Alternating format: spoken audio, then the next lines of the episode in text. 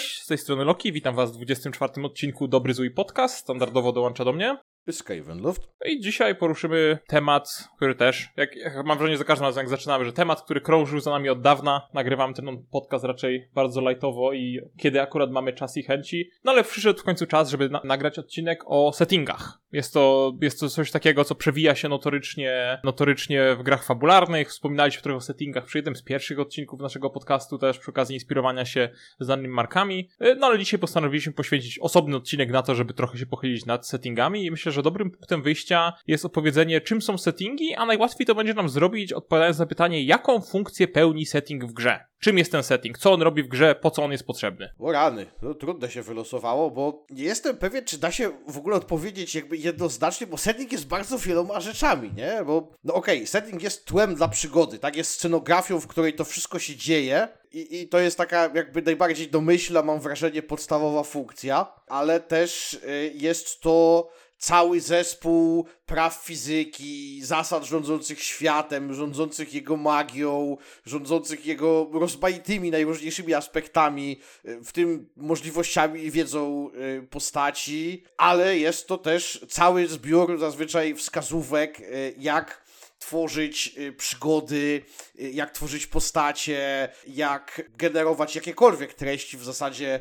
y, związane z rozgrywką. To jest cały zespół wskazówek, jak budować klimat, jaki w ogóle ma być ten klimat, nawet jeżeli zanim zaczniemy go konstruować. I tak naprawdę w większości RPGów, z jakimi się spotkałem, to w takiej naprawdę lwiej większości, setting to nie jest jak czasem niektórzy początkujący twórcy próbują to zrobić, czy, czy sobie wyobrażają jakiś taki zamknięty rozdział zatytułowany Świat i tam jest wszystko o świecie, tylko setting tak jakby przerasta cały podręcznik, tak? Wychodzi e, na ilustracjach, wychodzi na okładce, jest wbudowany w tworzenie postaci, w zasady rozstrzygania testów. Jakby setting jest wszędzie i jest, jest tak nieodłączną częścią, mam wrażenie, e, ogromnej większości gier fabularnych, że kurczę, trudno mi powiedzieć tak jednoznacznie, czym on jest. Zaryzykowałbym pompatyczne, setting jest wszystkim, ale to jakby no, to jest takie trochę wzniosłe i nadęte i niewiele mówi, więc powiedziałbym powiedziałbym może ugodowo powiedzmy, setting jest mnóstwem rzeczy nadających ton i klimat rozgrywce. To tak chyba jakbym próbował jednym zdaniem, ale to jest dalej taka nieporadna i oględna, mam wrażenie, definicja. Ja bym powiedział tak, jakby no, setting na pewno pełni, podsumowując trochę to, co ty mówiłeś, że setting określa pewne ramy, w ramach których będzie się funkcjonowało w fikcji. To jest ten świat przedstawiony, ale to jest dużo więcej niż sam ten opis, o, to są lokacje, to są postacie, to są potwory, tacy są źli, tacy są dobrzy. Tak jest, to, to też jest element settingu, ale to jest jakby i tło dla przygód, i ramy świata, i też, no, też inspiracje dla, dla przygód. Wskazówek, wskazówek tam można się doszukiwać wielu, na przykład co do tego, w jakim kierunku powinny iść te przygody, jaki klimat powinny utrzymywać. No, setting co ciekawe, przy tym jak ważny jest setting, bo setting mimo wszystko to jest no, w wielu grach, które opierają się o, o jakiś charakterystyczny setting, powiedzmy Star Warsy, powiedzmy e, Warhammer i tak dalej, gdzie, gdzieś tam ogólnie można powiedzieć, że na przykład Star Warsy to jest no sci-fi, space opera, można to ująć w jakieś ramy gatunków, ale setting to jest takie trochę już bardziej konkretne. Warto też podkreślić, że chociaż Będziemy tutaj dużo mówić o settingach. Nie każda gra ma setting. Wiele gier ma po prostu konwencję, czy klimat, który wspiera. Są też gry, które są, są, też się mówi setting neutral, czyli takie, które nie mają własnego świata stworzonego, własnego settingu konkretnie pod granie w daną grę. No ale podobnie jak mechanika określa pewne zasady, jak gracze funkcjonują z grą, to powiedziałbym, że setting określa zasady, według, według których postacie funkcjonują z grą, z logiką świata, z fizyką, z magią, z wszystkimi jego elementami. I to można przedstawić w sumie na, na, na, na wiele różnych sposobów.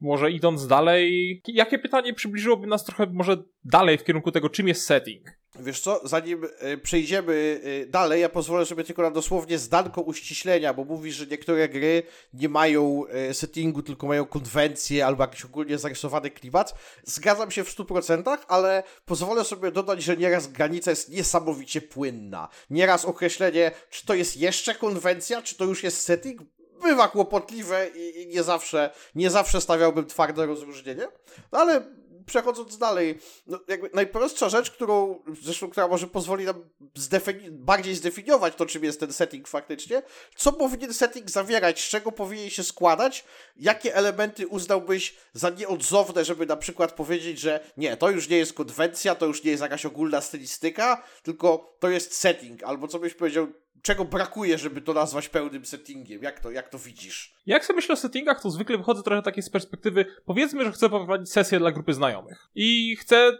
jakby wiedzieć, w jakim świecie ta sesja się będzie toczyła, to zadaję sobie kilka pytań. No, jakby, kim są postacie graczy? Okej, okay, czyli potrzebuję trochę informacji na temat świata, na temat settingu, kto w nim żyje, jakie istoty, jakie społeczeństwa, jakie cywilizacje w nim żyją, no bo z tego jakoś będą wychodziły postacie graczy. Potem spytam, no gdzie, gdzie te postacie są? Czym jest ten świat? Czy to jest planeta, czy to jest wyspa? Bo setting to może być cały świat, ale też może być mały wycinek świata. To może być jedna dolina. To jest też częsty zabieg, bardzo wygodny, bo można zrobić mały, szczegółowy setting, jeżeli ktoś nie ma ochoty pisać czegoś większego. Czyli mamy te jakby miejsca. No te miejsca muszą być też ciekawe, więc zwykle w settingu uważam, że powinno się znaleźć jakiś points of interest, jakieś takie charakterystyczne, rozpoznawalne lokacje w danym świecie, które wygodnie pozwolą e, zakotwiczyć przygody i też będą takim punktem odniesienia. No, dwie różne osoby grające powiedzmy w Dedeki mogą grać te Dedeki Eberonie, ale mogą grać też w innych miejscach, więc te lokacje trochę też pozwalają społeczności gry utożsamiać ze światem gry.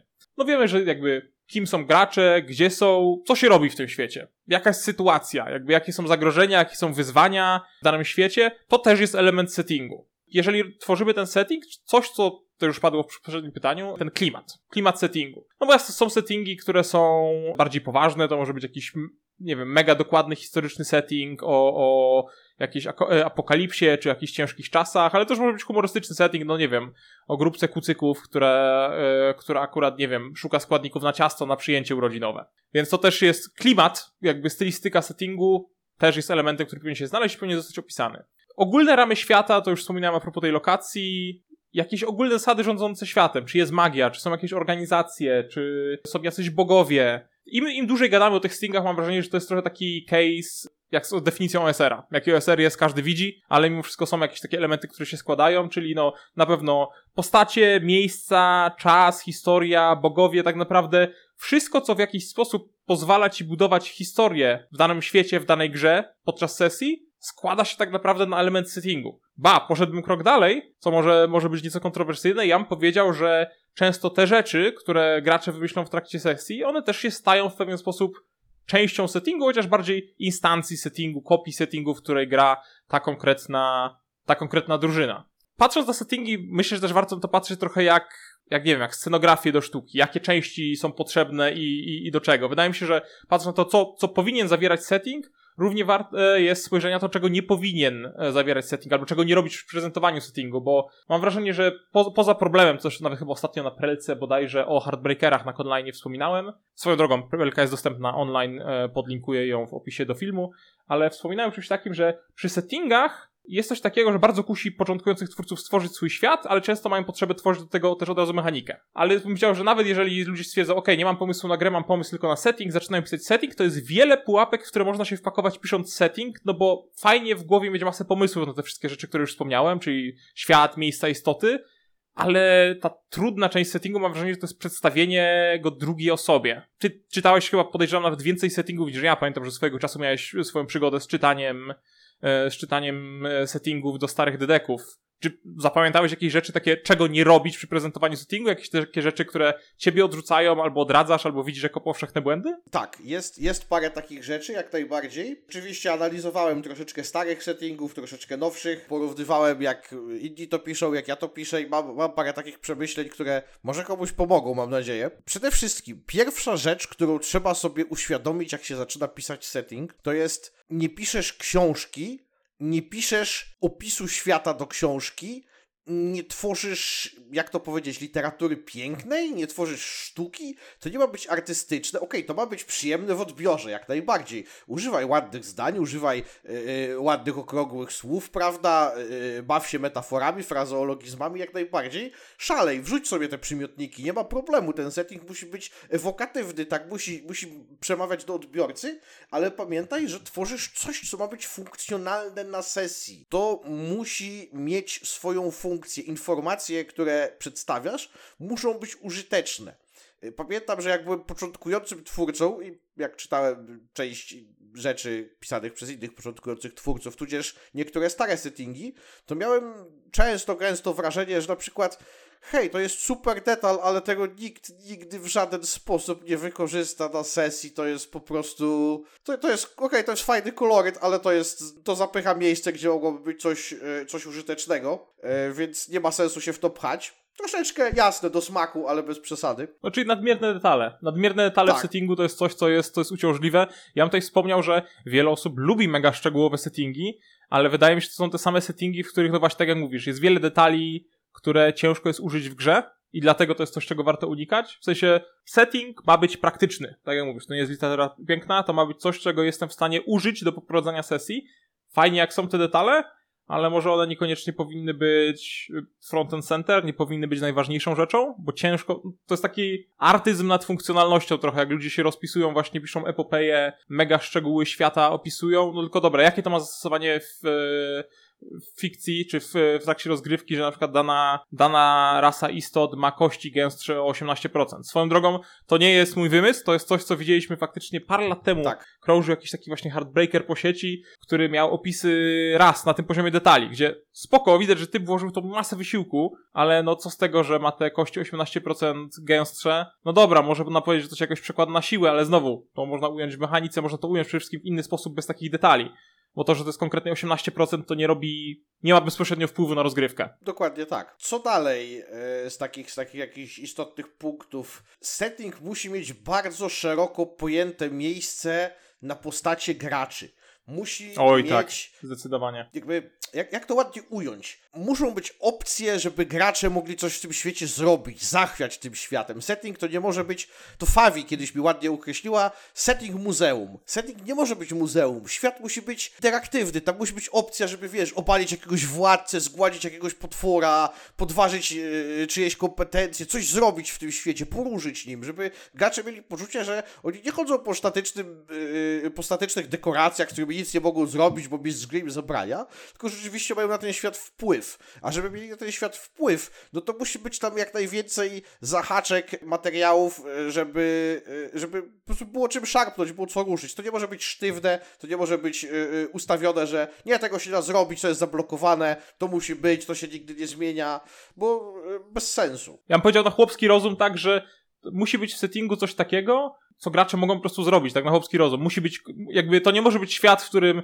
nie ma żadnych wojen, jakby wszystkie, wszystko jest ok, nie ma problemów do rozwiązywania dla postaci graczy, nie ma wyzwań, które można przed nimi postawić, o. no wtedy setting będzie statyczny. To jest ten moment, kiedy trafiasz, na pewno się z tym spotkałeś, trafiasz na setting i masz wrażenie, no kurde bele, w tym settingu wszystkie najciekawsze rzeczy już się wydarzyły. Co ja tu mam do roboty? Czytam historię, wszystkich złoczyńców już pokonali, katastrofy już były, bogowie już byli, co ja mam tu do roboty? Mam chodzić, znowu bić gobliny? To do tego nie potrzebowałem nowego settingu, miałem stary. Tak, trochę tak jest, mam wrażenie, w, zwłaszcza w tych settingach opierających się o istniejące marki. Jeżeli to jest na podstawie filmu albo na podstawie książki, no ponieważ film i książka są projektowane inaczej, mają jedną jakąś ważną historię do opowiedzenia i opowiadają z perspektywy tej ważnej historii, przez co no wreszcie settingu jest trochę mało przestrzeni na na opowiedzenie drugiej równie ważnej historii, albo przynajmniej historii, która będzie sprawiała wrażenie, że jest równie ważna. To był dla mnie problem, pamiętam jak graliśmy we Władce Pierścieni na Deren Again, gdzie tutaj wykroić dla waszych postaci, no miejsce na zrobienie czegoś cool, czegoś fajnego,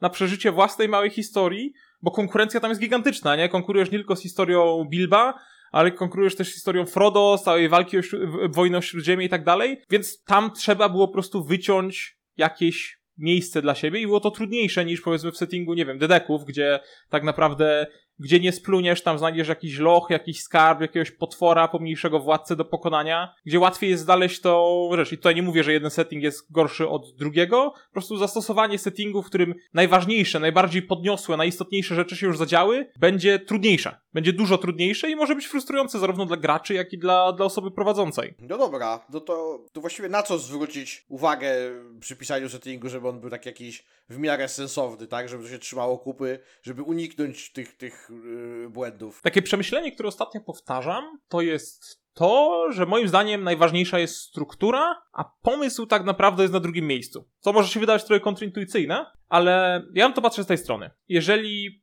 prezentujemy jakiś pomysł. Ten pomysł może być świetny, to może być najlepszy pomysł, jaki ktokolwiek kiedykolwiek wymyślił. Ale jak on będzie niezrozumiały albo niewygodny w użyciu, to on zniechęci ludzi, nieważne, nieważne jak dobry był, albo nawet będzie dobry i ludzie będą, kurczę, taki fajny setting, szkoda, że jest taki niewygodny w użyciu. Dlatego dla mnie najistotniejsza jest struktura, czyli żeby ten setting, jak go opisujemy, jasno mówię, ok, tu opisujemy miejsca, tu opisujemy potwory, tu opisujemy frakcje, że on miał jakiś po prostu ład i skład ułożenia tych informacji w taki sposób, żeby łatwo można było je zrozumieć, łatwo można było je przyswoić i łatwo można było z niego korzystać w trakcie, chociaż to już jest bardziej takie techniczne przy składzie. Druga rzecz to jest zrozumiałość, coś, co też uważam bardzo warto na to zwrócić uwagę, jak się pisze setting, czyli ok, zapisuję jakiś fajny pomysł, a potem go na przykład odbijam od ciebie i widzę, że ty go rozumiesz zupełnie inaczej. I to jest problem, który wiele osób ma z opisywaniem settingów, bo setting to jest no, jakby, to nie jest mechanika gry, gdzie jest zwykle, da się wyklarować jakiś jeden konkretny wording, który jest do zinterpretowania w jeden konkretny sposób. Ponieważ, chociaż to nie jest literatura piękna, trochę flirtuje to z tym gatunkiem, opis świata, bo wszystko jest bardziej wszystko, no, przez to, że jest opisem, a nie instrukcją, trzeba naprawdę uważnie patrzeć na to, co się pisze w settingu, czy inne osoby to zrozumieją tak samo, jak my to rozumiemy, czy nasza wizja jest jasna. Idąc dalej, ok, możemy mieć fajną strukturę settingu. Może on być opisany zrozumiale, no ale tak jak mówiliśmy, setting to jest coś praktycznego w grze. On musi być do użycia. I inny problem, który widzę w niektórych settingach, na co warto zwrócić uwagę, to jest to, jak się ten setting spina z mechaniką. Bo na przykład, jeżeli głównym elementem e, mechaniki jest ważenie, sorry, głównym elementem świata jest e, ważenie mikstur. Alchemia jest mega istotnym elementem tego świata. Powiedzmy, że to jest setting, to są jakieś bagna i tutaj, żeby przeżyć, co chwilę ludzie ważą jakieś mikstury. A w mechanice nie ma żadnej mechaniki do ważenia mikstur, no to to może być takie trochę, okej, okay, to czemu gramy na tą, w ten setting, jeżeli mechanika go nie wspiera? Więc jakby warto, żeby ten setting faktycznie był dobierany z myślą o mechanice lub żeby mechanika była dobierana z myślą o settingu, żeby to się nawzajem przeplatało i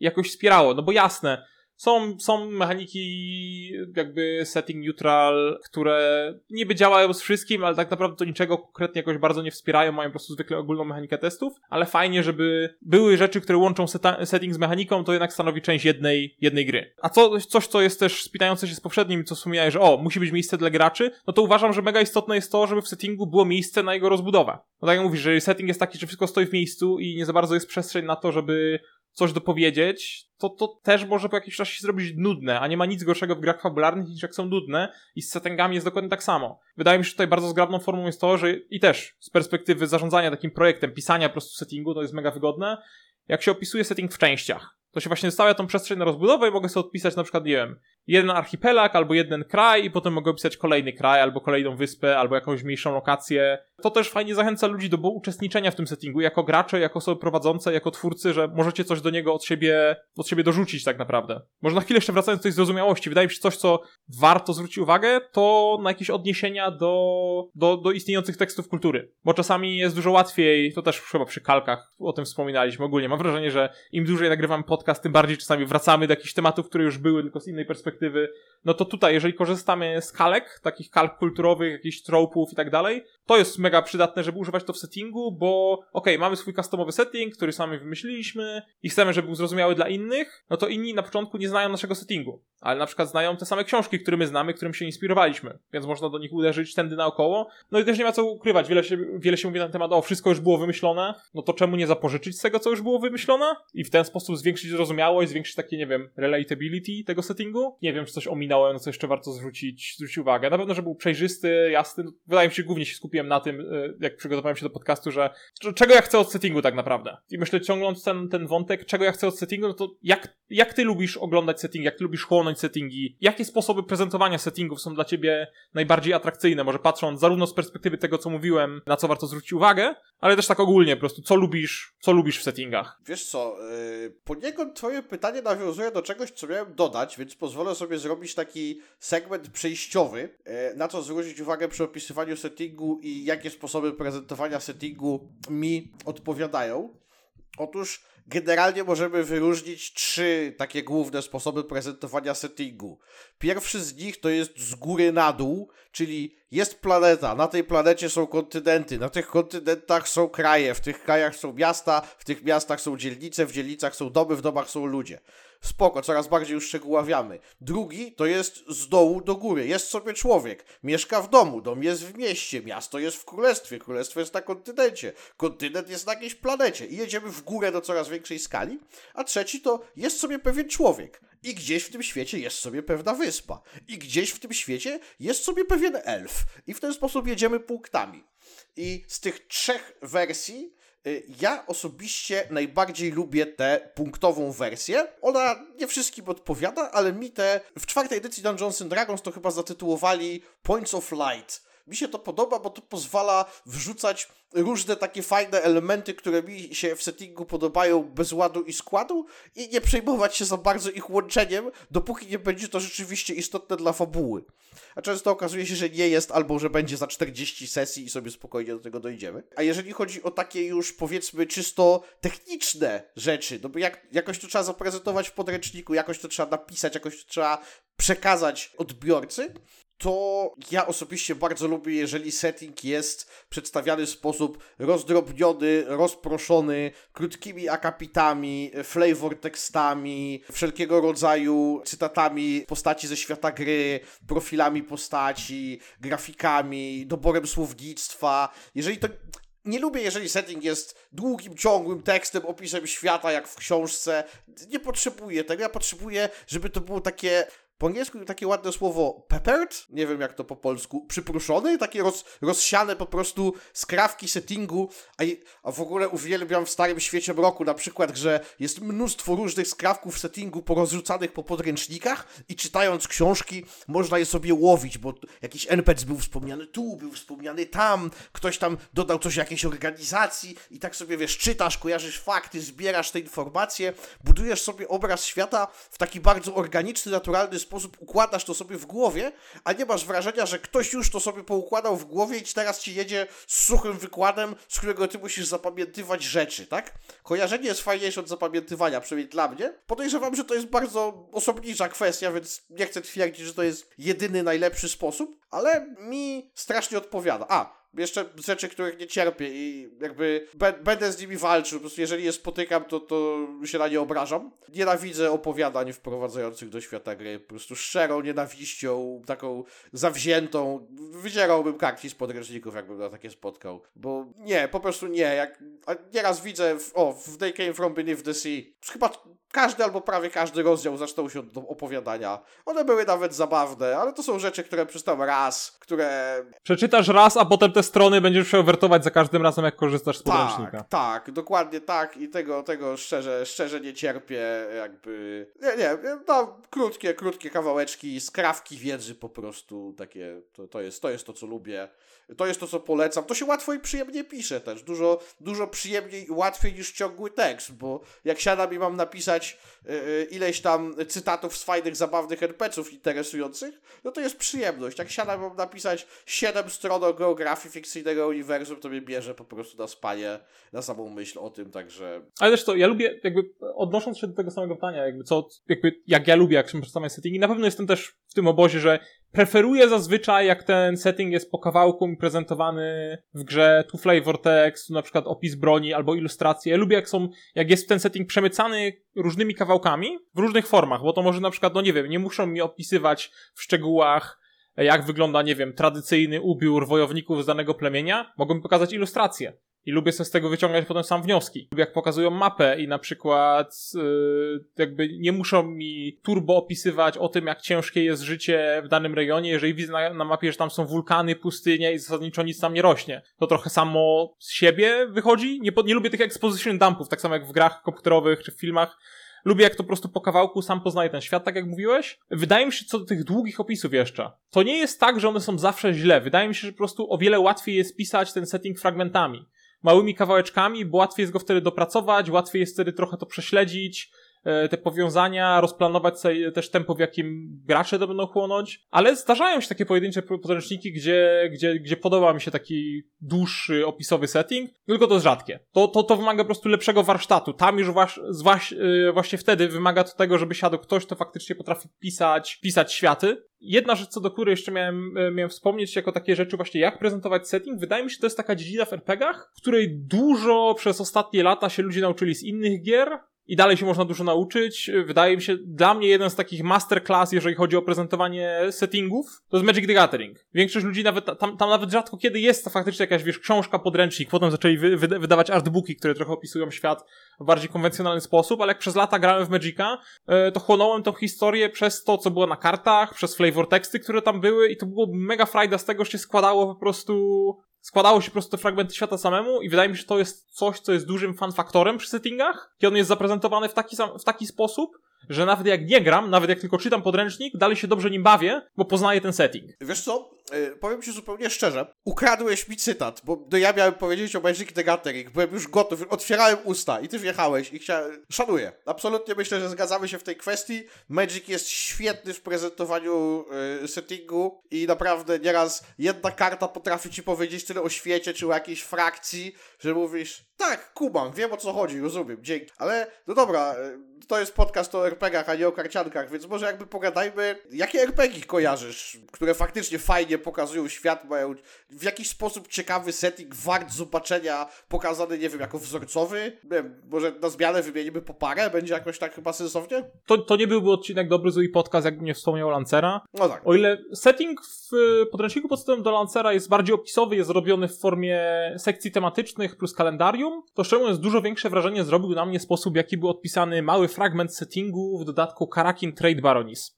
To jest dodatek o po prostu układzie planetarnym i tam poszli w bardzo przyjemny poziom detali, bo jeżeli ktoś chce, to ma sekcję, gdzie po prostu op opowiadają, jak się ten, jak ten świat powstawał i tam można się zanurzyć trochę bardziej w detalach, ale on jest tak pragmatyczny w tym, jak jest przedstawiany, e, że jak się czyta te strony, to po prostu mam takie, okej, okay, z tego mogę wziąć, e, z tego mogę wziąć pomysł na przygodę, z tego mogę wziąć pomysł na, na przygodę, człowiek obraca stronę i się okazuje, że to, co czytał na razie, to nawet jeszcze nie były pomysły na przygody, bo gotowe oni wymyślili również i podali parę stron dalej, ale jest to wszystko tak strawnie przedstawione, że pamiętam, że czytałem ten setting, czytałem opisy poszczególnych rodów, poszczególnych planet, i po prostu z miejsca miałem, o, to jest fajny pomysł na przygodę, to jest fajne do wykorzystania, o, to mogę wpleść jakiś grać w historię postaci. Byłem mega pod wrażeniem jako po prostu wycinek świata. Świetny przykład też tego, że setting to nie musi być cały świat, to może być jego wycinek, co daje nam trochę mniejsze ramy do operowania, co może być bardzo wygodne.